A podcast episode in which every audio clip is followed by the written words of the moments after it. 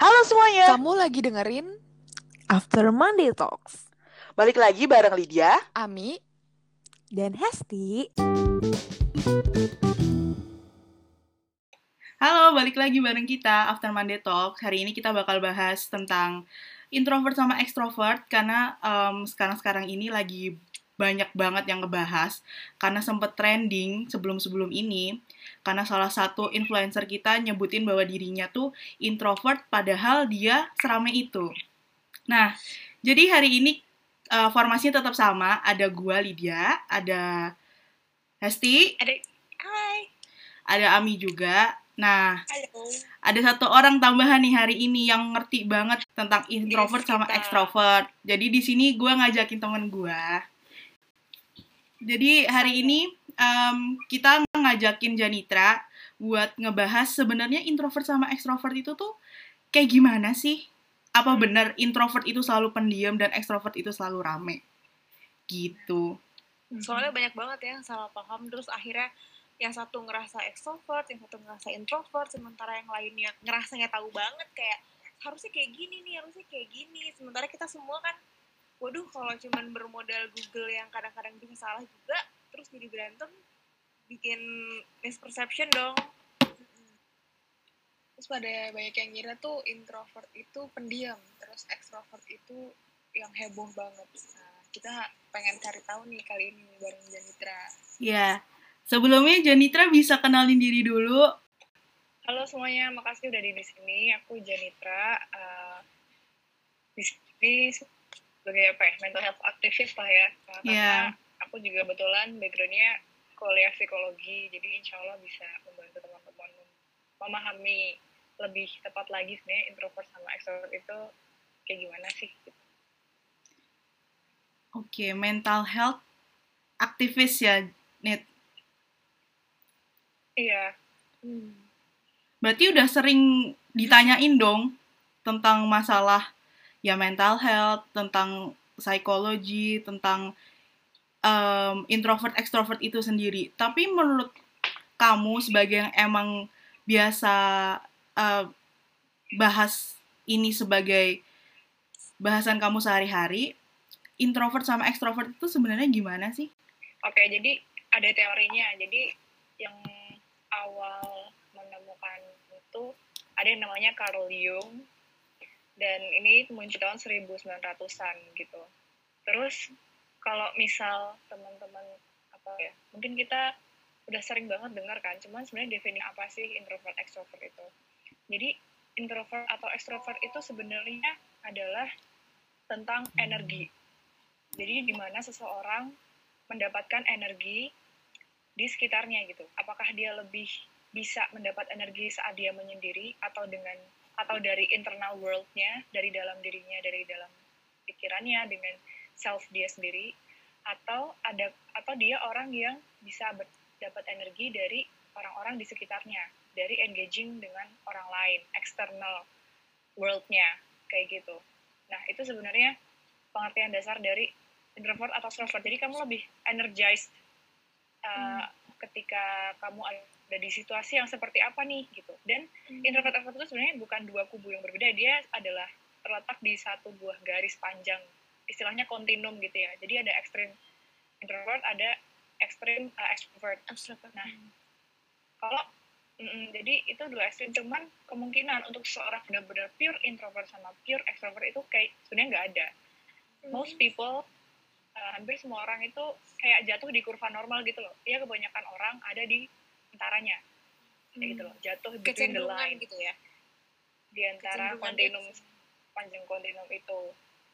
Iya, jadi kecenderungan apakah dia cenderung introvert atau cenderung extrovert itu untuk pengertian dasarnya.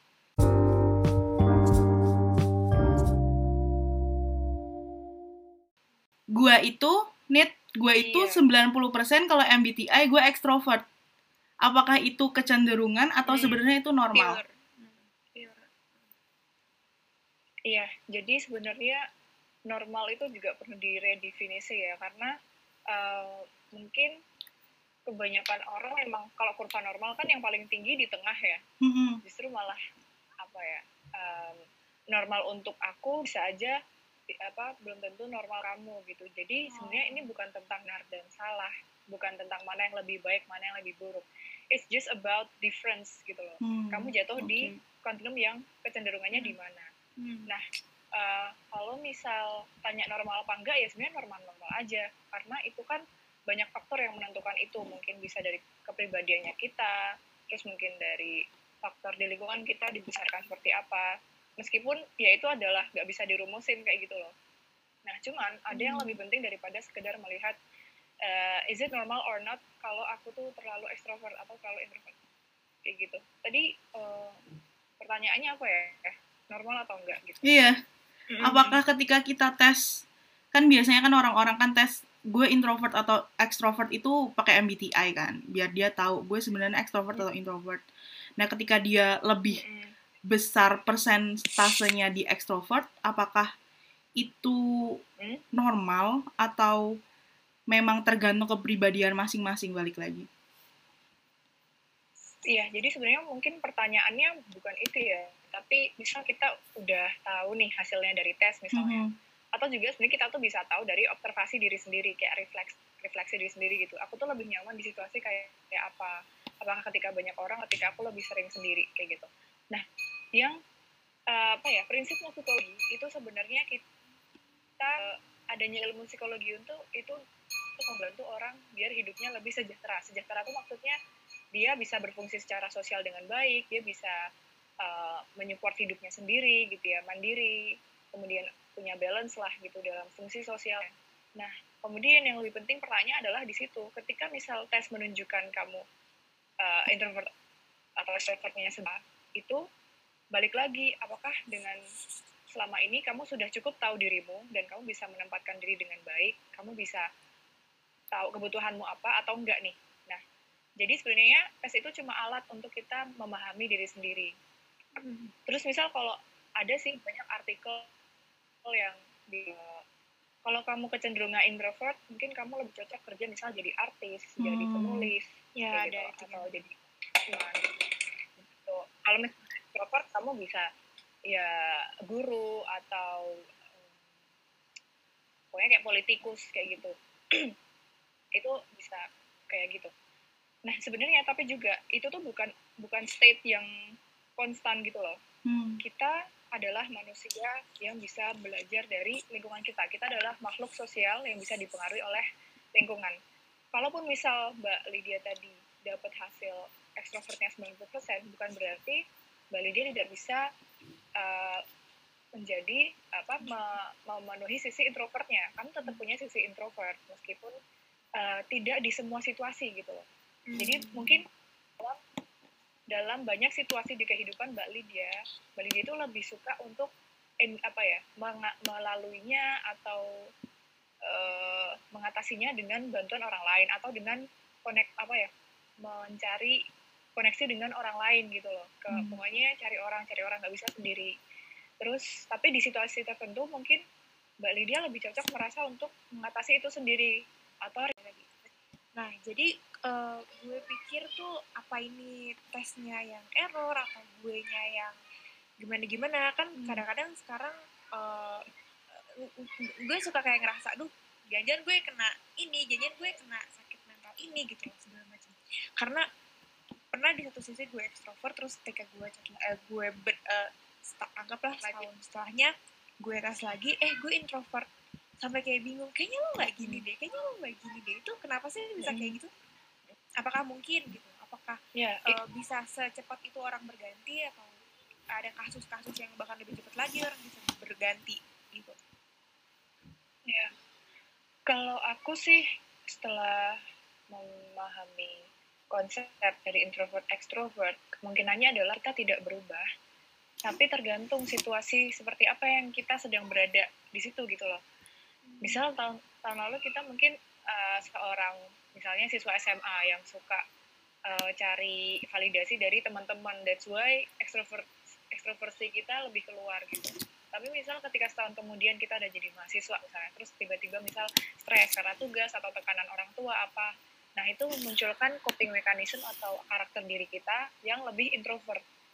Jadi um, sisi introvert dan extrovert itu sebenarnya selalu ada cuman tergantung juga situasi yang recently gitu baru-baru aja kita alami. Oh, itu seperti apa itu bisa juga berpengaruh. Mana sih uh, sisi diri kita yang keluar? Apakah lebih pada situasi ini aku akan lebih keluar introvertnya atau lebih keluar extrovertnya? Dan itu yang Hmm. bikin kompleksitas tiap orang beda.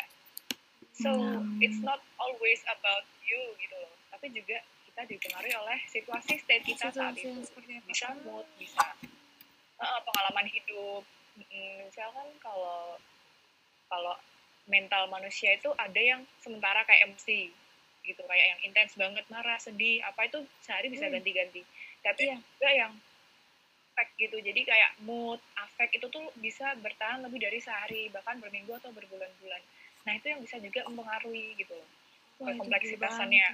Hmm. Hmm. Nah, Sehari bisa itu ngerasain A, B, C. lagi di situasi Mm-mm, situasinya kayak gimana dulu gitu Hmm. Berarti buat teman-teman yang dengerin, kamu nggak selalu introvert dan kamu juga nggak selalu extrovert gitu kan? Iya. Jadi jangan langsung Hmm. ngejudge salah atau bener juga ya. Ya, self claiming, please Mm-mm. stop. Aku mau nanya dong. Uh, sebenarnya tuh kan ada juga istilah eh, am- ambivert ya. Itu sebenarnya ada apa? Sih? Iya, aku sebenarnya agak lupa sih dari Carl Jungnya sendiri dia ngeluarin istilah ambivert Carl atau enggak. Tapi sepertinya ambivert tuh muncul uh, dari orang-orang yang yang udah mempelajari teori tersebut dan memudahkan untuk uh, menyebutkan seseorang yang tidak terlalu introvert dan extrovert. Berarti kamu ambivert. Jadi kayak cuma memudahkan aja. Cuma memang ambivert ini juga ada definisinya. Maksudnya di mana orang ambivert berarti dia hmm, uh, apa lebih lebih eh, bercampur gitu antara introvert dan extrovertnya sulit dibedakan dan maksudnya dia punya bisa dibilang punya dua-duanya. Dan dia bisa mengenali ke apa ya perbedaan dalam dirinya tersebut gitu. Jadi pada situasi tertentu banyak misalnya dari misal persentase 50% situasi dia dia munculnya sebagai introvert 50% yang lain dia munculnya sebagai extrovert. Lebih ke kayak gitu sih tapi memang orang itu ada dan menurutku ambivert itu ya justru kan orang mungkin ambivert gitu Hmm. Aku merasakannya aku ambivert menurut aku. Tapi Hmm, bukan tuh? kan? Bukan dong kak. bukan pura-pura. Eh tapi mungkin gak sih maksudnya iya kan sih sekarang lagi rame banget nih. Em, kelihatannya di luar tuh pendiam gitu. Mungkin gak sih kalau dia tuh introvert? Eh, eh, mungkin gak sih kalau dia tuh ternyata extrovert? Apakah setiap semua orang pendiam itu udah pasti introvert? Terus yang lebih banyak speak loud Mm-mm. itu extrovert gitu. Apakah seperti itu? Apakah se apakah kita bisa eh, langsung menganalisis orang yang oh dia pendiam, berarti dia introvert nih gitu. Bisa gak sih kayak gitu? Hmm, sebenarnya mungkin kalau memang dia dominannya ekstrovert dan mungkin kamu bertemu dengan dia di banyak situasi sosial, itu bisa aja kita bilang, oh, oh dia mungkin eh, kecenderungannya sebagai ekstrovert gitu. Cuman tidak 24 jam 7 dalam hidup dia, dia akan menjadi ekstrovert karena itu juga butuh energi kayak gitu. Kita tahu di situasi lain ketika misal dia kehabisan energi, dia gimana eh, cara carinya gitu. Cuman memang eh mesti orang extrovert akan selalu cari orang lain untuk eh, atau crowd gitu ya. Dia cari eh, tempat yang banyak orang untuk bisa jadi mood booster dia kayak gitu. Meskipun tidak semua situasi akan membuat dia, misal dia lagi sedih, nggak nggak nggak selalu dia akan eh, talkative gitu. Nggak selalu Hmm. dia akan cari orang lain. Mungkin di saat dia sedih dia juga bisa pendiam. So kita memang bukan tugas kita untuk ngejudge gitu, tapi lebih kayak mengenali uh, orang ini di situasi seperti apa, dia akan muncul ekstrovertnya gitu. Tapi apa ya? uh, mungkin yang bisa kita ketahui kayak gitu tuh orang yang kita ketemu lebih dari sekali sih. Hmm. At, mm-mm, atau gini gini, orang yang ekstrovert tuh biasanya dia bisa menguasai crowd. Jadi misal ada pesta, dia lagi public speaking, itu bisa engage dengan banyak orang, dengan happy, dan dia semakin ketemu banyak orang, semakin semangat. Tapi kalau orang introvert, sebenarnya bisa gitu juga, cuman bedanya dia mungkin tidak bisa selama orang extrovert engaging ke orang-orang gitu loh jadi misal orang extrovert bisa dua jam di keramaian ngomong sana sini kalau orang introvert bisa juga tapi mungkin cuma setengah jam dia udah capek Hmm. Tidak sebesar itu Kayak gitu. kekuatannya. Mm-mm. Oh iya iya. Oke, atau paham. juga introvert itu tetap bisa nyari orang lain tapi biasanya nggak yang crowd kayak gitu mungkin cuma beberapa orang Circle yang Yang lebih kecil kali ya kalau introvert. iya circle yang lebih kecil Hmm. Oke, ngerti sekarang. dan Berarti menurutku eh, introvert juga bisa cerewet sih saat dia ketemu si teman-teman itu Hmm, Paham, paham. Soalnya semuanya tuh sebenarnya intinya adalah tentang bagaimana eh, dia mendapatkan energinya, gimana caranya di situasi itu. Oh, ternyata Mm-mm. Iya kan? Eh, misalnya kayak eh, Iya. di saat misal Eka tadi dibilang, oh mungkin waktu kerja gue mendapatkan situasi yang menyenangkan dengan orang-orang yang menyenangkan, jadi gue pada saat itu jadi ekstrovert, ya kan? Iya. Karena Iya. dapat circle yang menyenangkan itu, jadi dapat energinya dari gabung sama teman-teman, misalnya gitu ya. Hmm, Iya. Hmm, Oke. Jadi kalau menurutku itu cuma bisa bilang apakah aku dominan in- introvert atau extrovert.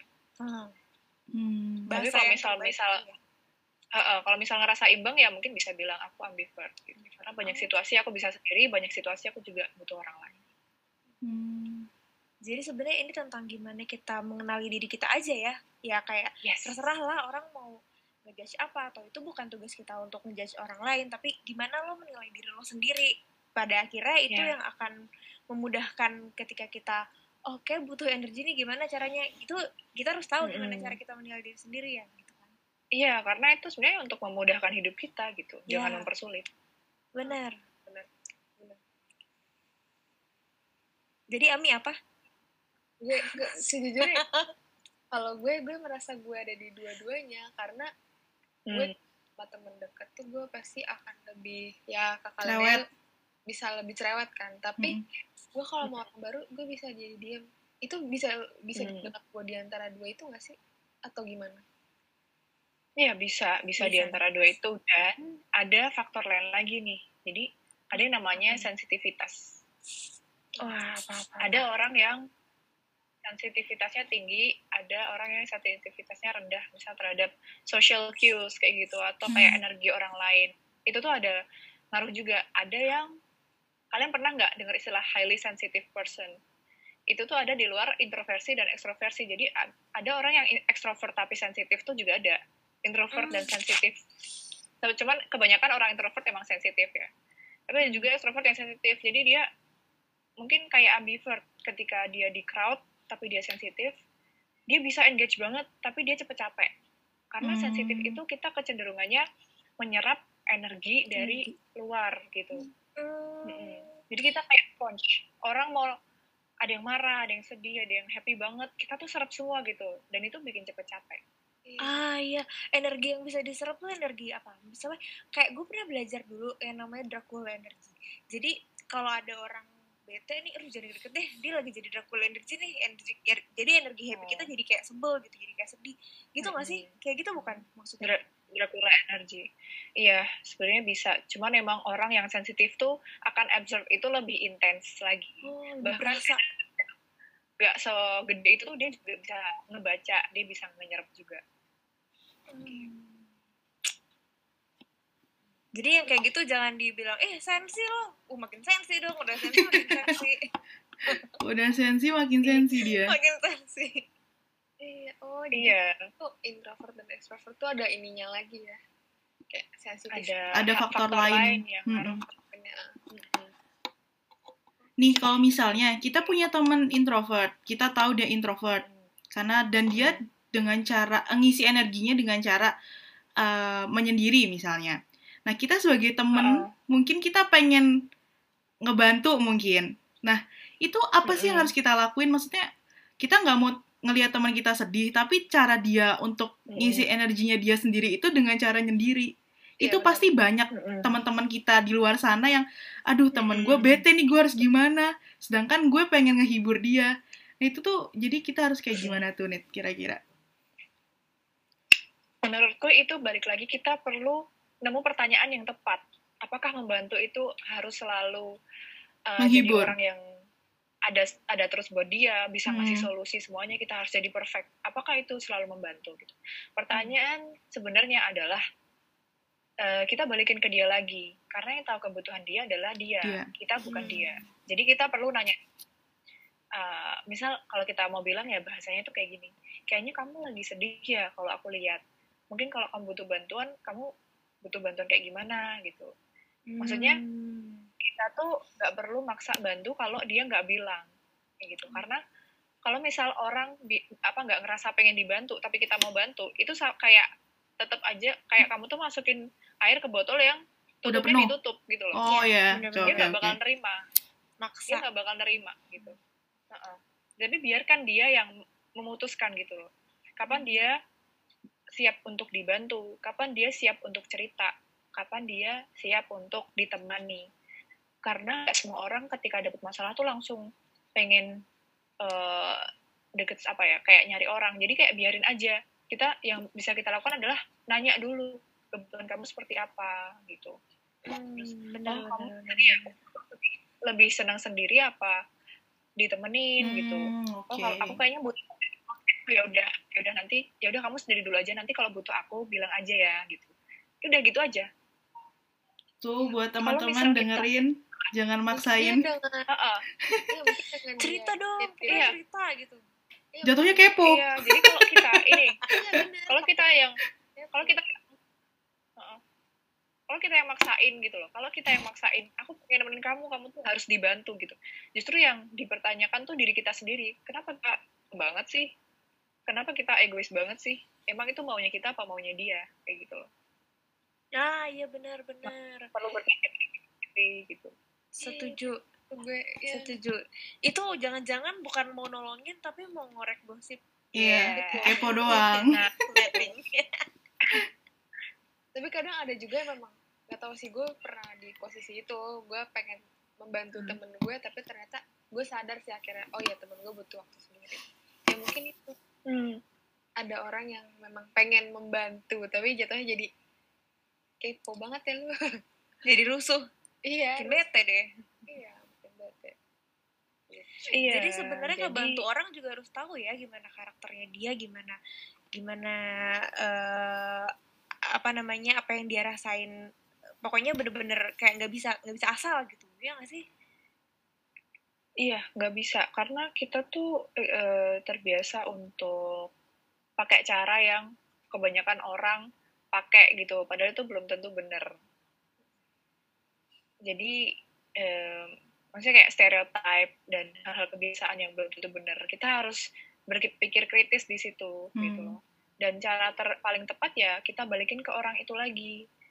Eh, kamu pengennya dibantu kayak gimana? So itu juga jadi tugas masing-masing untuk orang yang sedang uh, mengalami masa sulit, dia harus paham dirinya butuh apa. Orang yang bisa di situ punya resource untuk membantu juga harus tahu caranya ngebantu dan justru nggak jadi mempersulit situasi itu seperti apa gitu. Karena ketika kita ngebantu saat orang lain nggak mau, mau dibantu itu bisa juga uh, bisa dibilang itu egois karena itu kemauan kita gitu. Hmm. Itu kebutuhan kita bukan kebutuhan dia. Hmm. iya benar benar benar ya kebutuhan kita Iya, Iya. beri makan egoku. iya karena itu apa sih namanya biasanya itu bahasanya people people pleaser ya Pleasure. People pleaser. Ya kan pleaser pleaser ya itu deh Hmm, people pleaser tuh beda lagi. oh, apa beda apa lagi. apa sih. itu apa mau dibahas kan ya boleh kan? People dikit Sok kali ya dikit boleh. kali. boleh dikit gue penasaran jadi gue yang minta yang mau bahas Iya. jadi Nitra ayo ayo boleh dong ya. Bung aku di sini. Um, Iya. Makasih. Ya, ya, People- bukan orang yang kayak tadi kita bahas, Hmm. tapi justru people pleaser itu orang yang mengignore kebutuhan Ah, atau ketersediaan energi dia sendiri untuk kepuasan atau kebutuhan orang orang lain. lain. Jadi justru people pleaser ini orang yang apa ya istilahnya memperburuk dirinya sendiri demi orang lain gitu secara tidak sadar karena dia nggak bisa eh, dia merasa kebahagiaan orang itu adalah tanggung jawab dia terus dia merasa penilaian orang terhadap dia itu segalanya makanya dia eh, menggantungkan semuanya ke penilaian orang lain gitu loh. Kalau misalnya orang Oh. lain minta bantuan berarti aku harus memenuhi itu. Kalau orang lain nyalahin aku berarti aku emang harus merasa bersalah gitu loh. Padahal kita juga punya pendirian sendiri kita Iya, punya pemahaman Kebutuhan. sendiri terhadap Mhm. diri tersebut. Kalau misal kita nggak bisa memenuhi kebutuhan dia ya bukan salah kita gitu loh. Karena itu kebutuhan dia gitu sebenarnya Hmm, Oh, Jadi makanya harus ya, ya. self love dulu ya. Heeh.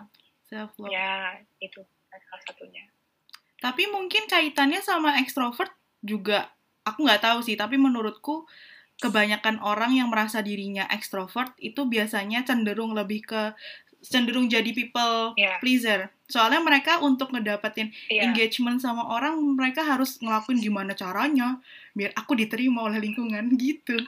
Ya nggak sih, Nit? Iya.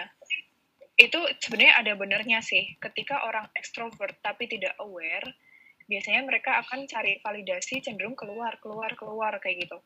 Dia akan cuma bergantung sama judgement dari luar gitu. Hmm. Itu kecenderungan um, dari extrovert. Sedangkan kalau introvert juga dia uh, kelemahannya ya jadi Minder. pasti terlalu kayak antisosial Hmm, terus antisocial. ya minder juga bisa karena terlalu punya looping uh, apa mindset gitu kan di mana dia terjebak pada pikiran sendiri dia terlalu stuck dalam dirinya kayak gitu. So itulah kenapa kita perlu mengenali dan menemukan balance kita sendiri sih. Terus kelemahan ambivert juga sebenarnya ada. Apa tuh, bisa biasanya orangnya bisa capek. Karena dia dia peka terhadap situasi dan dia harus adjust lagi dan lagi gitu. Untuk ini untuk situasi ini aku mau uh, kayak gimana? Intro, introversinya atau extroversinya kayak maksudnya it drains your energy faster gitu loh. Karena selain harus ya engage sama orang kamu juga harus mikir gitu mau menempatkan diri seperti apa. Hmm. Oke, oke, berarti iya sih. Gue nggak tahu sih, tapi ini ini mah ini nih gue aja ya. Kayaknya yang dia omongin tentang ambivert itu tuh gue banget sih. Langsung Iya. on point, ami, gue langsung kayak, ah gitu, oke. ambivert. Langsung reflect ke diri sendiri. Oke, gue jadi tahu, Ha-ha. jadi tahu. Thank you. Eh tapi kalau mau ngecek introvert extrovert itu eh di mana sih maksudnya eh, kamu punya nggak eh, kayak apa ya namanya harus Eh, Tools. ya Kayak alatnya gitu. mm-mm. alat atau mungkin kita harus ngapain atau atau mungkin ada tes-tes yang online gitu kan biasanya banyak juga. atau tuh. mungkin ada kayak eh apa namanya bisa kasih tahu kalau lu baik jangan ikut yang seperti ini seperti ini seperti ini karena tahu dong di Google banyak banget informasi yang bisa Iya. kita ambil nggak tahu bener apa enggak ya kan Mm-mm. Eh, bisa dua cara sih. Yang pertama observasi diri sendiri. yang kedua lewat tes itu sih. Nah emang sekarang versi tes tuh banyak banget, banyak banget. Jadi kalau aku sendiri pun juga sebenarnya kadang bingung. Ini kok tiba-tiba ada tes gitu kayak gampang banget orang dapet. Terus cuma beberapa pertanyaan nih gitu kan. Nggak tahu itu asalnya dari mana. Eh, mungkin eh, kalau rekomendasi apa ya? MBTI itu tidak terlalu diakui secara klinis sih ya. Cuman dia Oke. memang secara Informasi fungsional, secara fungsional masih bisa membantu kita untuk memahami diri sendiri. Cuman secara klinis tuh kayak MBTI yang paling dipakai gitu tuh kurang tahu juga sih. Kadang perusahaan pun punya versi sendiri kayak gitu. Tapi kalau misal mau cari di internet yang cukup valid, coba aja kalian cari yang punya website sendiri Hmm. terus bisa jelasin uh, dasar teorinya apa, timnya siapa, dan salah satunya mungkin 16personalities.com ya. Tapi ada juga yang aku lupa. Enneagram ada- juga bisa deh nih kayaknya. Juga agak valid Ya mungkin bisa. Mm-mm. Enneagram. Kayak ya jangan yang terlalu tiba-tiba tesnya ada gitu. Terus misal bisa punya email yang bisa dikontak kayak gitu sama timnya. Mungkin lebih lebih ke yang punya website sih. Mm. biar jelas ya kontak personnya jelas eh, website yang enggak asal-asalan Hmm. oke Jadi dan mungkin kalian proaktif cari review dari tes ini orang-orang gimana Hmm. karena emang baik banget Iya, maksudnya jadi kita nggak 100% harus percaya tes itu gitu kan. iya benar karena aku kasih tahu tes pun juga itu kan human made ya dibuat oleh manusia Mhm. dan setiap tes tuh punya kadar errornya sendiri Oke. bedanya cuma seberapa beda nih besarnya error ini sama error ini kayak gitu tesnya. Hmm. Tes. Bisa. Jadi pas kita tes kita lagi nggak kondusif keadaannya kan ya. bisa ya Iya, jadi Bisa nggak akurat gitu kan, makin nggak akurat. Oke, oke. Mm-mm. eh aku mau nanya lagi satu lagi boleh ya please? Boleh, boleh, boleh. Em, menurut Janitra nih seberapa penting sih kita tahu kita ekstrovert atau introvert Hmm. Eh, selain untuk bagaimana kita pengenalan diri, bagaimana kita cara tahu untuk gimana sih dapat energi, tuh eh, ada nggak sih hal lain Hmm. kayak oh eh, ternyata untuk ini untuk itu gitu loh. Iya penting banget soalnya pertama itu tugas diri kita sendiri yang nggak bisa dilakuin orang lain. Kedua itu akan berpengaruh pada hubungan personal dan profesional kita nanti. Jadi dalam dunia kerja itu juga bisa menentukan gaya kerja kita seperti apa, kita cocoknya eh, profesi apa, misalnya lebih bisa beradaptasi pada apa eh, posisi apa gitu di perusahaan misalnya. Itu penting gitu kalau untuk kita tahu kita lebih kecenderungan ke yang mana gitu. Terus juga apa ya? Karena sepanjang hidup kita itu akan berguna gitu. Dan selain itu juga melatih awareness kita terhadap diri sendiri. Misal kita lagi emosi apa atau lagi butuh apa, itu akan setiap saat tuh kita butuh gitu loh. Kita butuh untuk tahu bisa ngelakuin apa untuk kebutuhan kita sendiri karena semuanya kalau tentang diri sendiri itu mengenali diri sendiri itu adalah PR kita sendiri gitu sih dapat kan maksudnya Dapat. Banget. Oke, Jadi oke. penting untuk memahami diri sendiri, plus harus self love ya, jangan jadi people pleaser. iya dan ini mungkin ya satu lagi apa yang sering banyak disalahkatain orang kayak mereka memanfaatkan introvert atau extrovert itu sebagai justifikasi gitu loh. Kayak Hmm. kamu kok ini sih nggak kasih ke tetangga? Misal ya iya kan aku tuh emang in- introvert gitu aku nggak bisa kayak gitu. Nah itu nggak boleh kayak gitu. Itu bukan gunanya adanya introvert atau extrovert karena kita tetap bisa beradaptasi dengan lingkungan ketika itu dibutuhkan. Kayak gitu. Hmm. Berarti jangan jadiin uh, labeling extrovert atau introvert ini buat ngebatasin diri kamu buat hal yang nggak kamu suka mungkin kali gitu ya. yes misal Iya. kamu juga apa ya kamu kok apa asal ngomong gitu sih kan dia lagi sedih misalnya ya sorry gue kan extrovert gitu Hmm, Oh, itu Waduh. tepat. Nggak sensitif sama sekali orangnya. Iya. Jangan membatasi dan juga jangan jadi justifikasi untuk kamu bisa melakukan apa ya semena-mena ke orang lain gitu. Oke, oke, Oke oke, menarik ya pembahasan kita hari ini.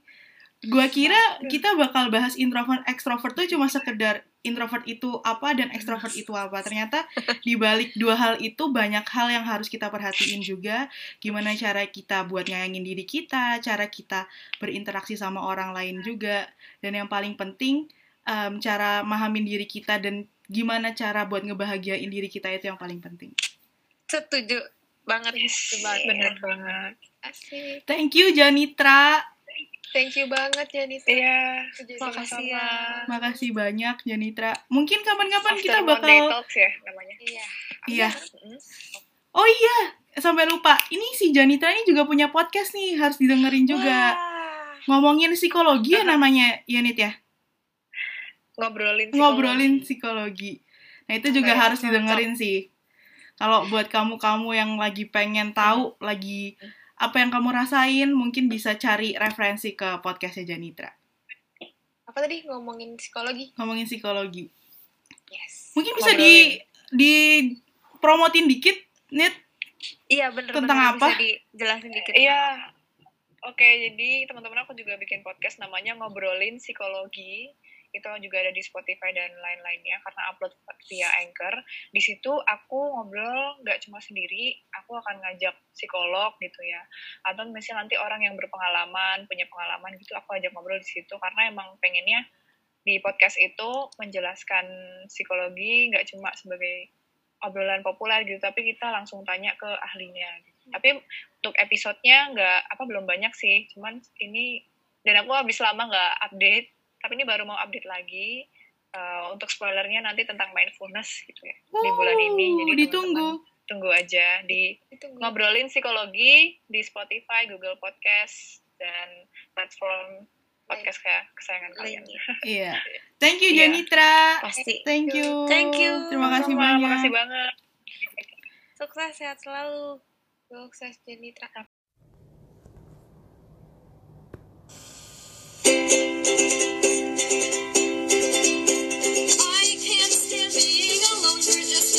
while, just a couple hours, and I will hate myself. Anxiety has led me to believe the ones I love will leave. They're never coming back to me, and I will die